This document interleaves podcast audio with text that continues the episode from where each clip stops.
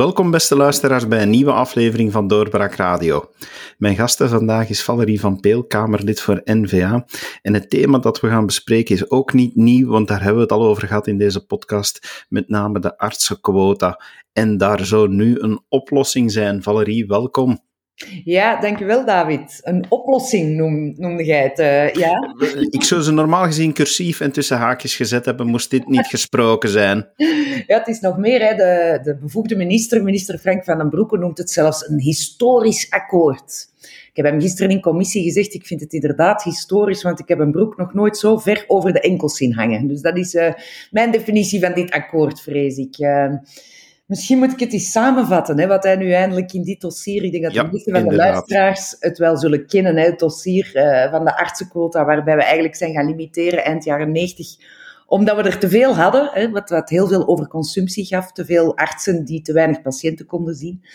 Um, iedereen weet, 25 jaar lang is dat al bezig. Vlaanderen heeft daar uh, enorme beperking op gezet, maar in Wallonië heeft men 25 jaar niets gedaan. Dat is vandaag het gevolg, misschien om het eens heel concreet te maken. Vandaag is het zo dat we per 10.000 inwoners hebben we in Vlaanderen 14 specialisten, want het zit vooral daar de overconsumptie en het te veel aan laten terugkomen. Hebben we 14 specialisten. Dat is zo ongeveer een gemiddelde in Europa. En in, uh, aan uh, Franstalige kant hebben we voor diezelfde 10.000 inwoners hebben we er 21. Dus dat is de helft meer. Simpelweg de helft meer, ook ver boven het gemiddelde. En uh, dat heeft eigenlijk de planningscommissie die de RISIF-nummers moet, moet bekijken, doen concluderen dat de artsen in Franstalig België een pak minder uren werken. Dat is ook logisch, want ze hebben patiëntentekort. En dus, en dat is waar ehm, het akkoord van vandaag ook op gebaseerd is, en dus uh, concludeert die planningscommissie, hebben ze er ook een pak meer nodig. Dus we gaan in het akkoord van Frank van den Broeke het onevenwicht tussen Vlaanderen en Wallonië hier institutionaliseren en naar de toekomst zelfs verder uitbreiden. En zijn akkoord is eigenlijk een akkoord met de witte vlag voorop, want, en nu moet ik zo een beetje tromgroffel nadoen eigenlijk, David, de Franse gemeenschap heeft namelijk beloofd om vlak voor de verkiezingen een ingangsexamen te gaan invoeren met een numerus fixus.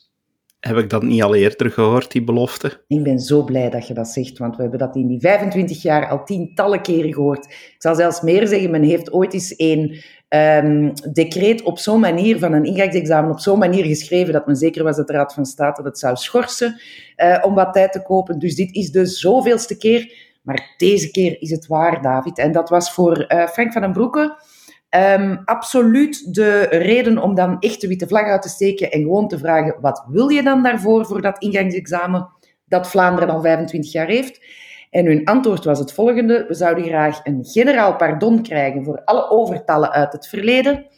Remember de cijfers die ik zo net heb gegeven. Hè? Dus alle overtallen van die 25 jaar, die gaan we gewoon kwijtschelden. We zouden graag hebben dat we er ook voor de toekomst meer mogen laten afstuderen, procentueel gezien, dan in Vlaanderen. Hè? Um, want we hebben er meer nodig, want die van ons werken minder hard. En dan was er nog een derde. Uh, ah ja, en ten derde het responsabiliseringsmechanisme. Uh, herinner u, een van de twee zaken trouwens die CD&V in dit regeerakkoord van Vivaldi heeft gekregen. Ze hadden twee dingen binnengehaald. Abortus, en dat komt er nog aan. En dit, het responsabiliseringsmechanisme in het dossier van de artsenquota, dat erop zou neerkomen dat als ze deze keer niet zouden luisteren, dat er echt vanzelf eigenlijk al gevolgen zouden zijn en een stop op het aantal RISIF-nummers.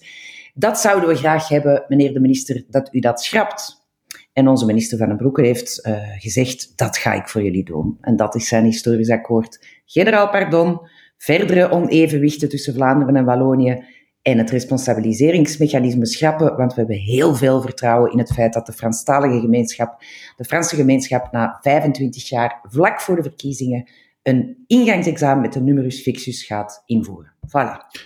Maar is, daar dan, is dat geen bindende voorwaarde geworden? Of is hij gewoon tevreden met een belofte? Die, het generaal pardon en de verandering in, in de verdeling, die komen er sowieso, zelfs al zouden de Franstaligen ook nu weer opnieuw uh, hun belofte niet waarmaken? Ik zal het zo zeggen. Hij doet toch eerst uh, wat hij beloofd heeft. Want dus het responsabiliseringsmechanisme wordt zelfs vandaag uit zijn wet diverse, letterlijk vandaag al uit zijn wet diverse bepalingen geschrapt. De wetswijziging voor het afbetalen van het overtal komt er meteen daarna zo snel mogelijk aan. Dus dat was die 505 maximum voor een aantal jaren die wij onder Zweeds in de wet hadden gekregen. Die gaat men schrappen. Um, en de uh, cijfers van de federale planningscommissie, die bevolkt wordt door mensen van het, vooral mensen vanuit het kabinet van uh, Frank van den Broeken en, uh, en nog een paar andere acolyten, die worden aanvaard. Dus in C doet hij al, hij komt al aan de voorwaarden tegemoet. En um, ja, we zullen nu zien, hij beweert dat er binnen een week een eerste tekst, binnen een paar maanden een eerste tekst zou zijn aan, in de Franse gemeenschap voor een decreet. Maar vergeet niet, zelfs als dat al waar is, moet dat nog um, naar de Raad van State, moet dat nog eens in een tweede lezing goedgekeurd worden, moet dat nog naar het parlement. Allee, het spijt mij ontzettend, maar moesten zij uh, eerst uh, moeten doen wat ze al 25 jaar hadden gedaan, dan had ik nog begrepen dat er een akkoord was, niet met die toegevingen trouwens, hè, want dat is te gemakkelijk, maar dan toch, uh, maar dan, had, dan denk ik dat je tenminste, tenminste, als je dan toch zo zeker bent dat ze het gaat doen, je responsabiliseringsmechanisme niet uit je wet had moeten halen. Hè? Want wat, wat is daar eigenlijk het probleem van als je zo hard gelooft dat ze het gaan doen? Dus uh, nee, dit is communicatie. Spijtig genoeg je gebruikt de woorden generaal pardon. Sommigen zullen zeggen van, oeh, Valerie van Peel schuwt de grote woorden niet, maar het is wel effectief zo, want de Franstalige gemeenschap heeft jarenlang eh, met, uh, had dan eigenlijk een systeem van voorafnames op de toekomstige RISIF-nummers, toch altijd maar uh, iedereen die afstudeert een RISIF-nummer gegeven. En dat wordt dus nu gewoon kwijtgescholden. Ja. Het, is dus echt, het is echt van, ja, we weten dat jullie de regels hebben overtreden, maar we vegen er de spons ja. over. Ja, en nog meer, we gaan het onevenwicht dat er vandaag is, we gaan dat gewoon aanvaarden als zijnde, ja, blijkbaar hebben jullie er meer nodig, dus we gaan dat ook naar de toekomst verder zetten, maar op een manier dat je je er niet meer schuldig over moet voelen, want we zetten het gewoon in de wet, dat mag. Het is geen 60-40 verdeling niet meer. Het is niet meer zo dat we één land zijn, hè, wat ze toch zo graag zeggen, en dat dus per aantal inwoners wij evenveel artsen nodig hebben. Nee, om een of andere reden heeft men in Franstalig België veel meer artsen nodig en dan vooral specialisten. En daar ligt het probleem natuurlijk. Want ik krijg in dit dossier heel vaak de reactie, en ik begrijp dat ook hoor, van mensen, ja, maar er zijn ook huisartsen tekort en er zijn ook bepaalde specialiteiten tekort en, en jullie willen dat beperken en dat begrijpen we niet. Maar dat is dat zijn twee verschillende dossiers in die zin dat um, het probleem met bepaalde specialiteiten en huisartsen, wat trouwens een gemeenschapsbevoegdheid is, heeft eigenlijk te maken met de populariteit van die deelspecialiteit en met het feit dat te weinig studenten daarvoor kiezen. En daar is men in Vlaanderen nu ook heel hard op aan het werken. En dat is ook nodig, hè, dat, laat dat duidelijk zijn. Maar het overtal in Franstalig België van de afgelopen 25 jaar zit hem in die specialiteiten, waar we er al, um, al lang veel te veel van hebben, en bijvoorbeeld in Vlaanderen ook. Zij hebben trouwens evenveel een tekort aan huisartsen, want daar uh, is het verschil in aantal niet zo groot. Uh, dat is daar een even weinig populaire uh, keuze in de richting als hier. Dus dat zijn dossiers die soms door elkaar worden gemengd. En het probleem van dat overtal is, ga dan terug naar uh, jaren 90 toen de contingentering is ingevoerd, is heel simpel. Je hebt opleidingen die niet meer kwalitatief zijn omdat er te veel studenten zitten en te weinig stageplaatsen zijn. En je hebt artsen die uh, hun boterham niet meer verdienen en dus daarom scans gaan laten uitvoeren of patiënten laten terugkomen zonder dat dat echt nodig is. Wat dus natuurlijk een enorme uh, overconsumptie betekent en eigenlijk een druk zet op het budget van de gezondheidszorg. En dat beste David, zit natuurlijk federaal. En dus dat betalen wij eh, gezellig allemaal mee, ook al uh, doen wij al 25 jaar wat moet. Dus het is een heel ingewikkeld dossier, maar eigenlijk is die toch echt wel België op zijn beste. Ik vind, allez, de, de federaal bepaalt iets de, de, de juiste gemeenschap die zo, zo federaal uh, gericht zou moeten zijn, die zegt van, voert, wij doen eigenlijk niet mee, wat maakt ons daar in de gemeenschap niet populair mee. Vlamingen doen weer braaf wat er moet. En wie betaalt de rekening? Ja, ook wij. Hè. Door het feit dat wij studenten moeten zeggen dat ze niet mogen beginnen en door het feit dat wij de kosten die aan de andere kant wordt gemaakt ondertussen braaf meebetalen. Dus het is België op zijn best. Het is voor een stuk misschien ook wel het België, of de nieuwe vorm van België, die de huidige Vivaldi-ploeg voor ogen heeft, federaal bepaald. Uh, we gaan zeker uh, terug een aantal bevoegdheden federaal heel duidelijk de krijtlijnen uitzetten. Uh, maar ja, wij, leggen dan ook aan de deelstaten op hoe het, hoe daar moet gebeuren. Dat is, dat is misschien toch wel de nieuwe Belgicistische reflex. Ja, en spijt, dat zit er inderdaad ook zo wel wat in qua gevoel, maar het is dan ook nog eens een regering met een uh, Vlaamse minderheid. En laat ons zeggen dat dat uh, in dit dossier toch wel weer heel pijnlijk duidelijk wordt, want dit is echt alle wensen van de Franstaligen um, tegemoetkomen.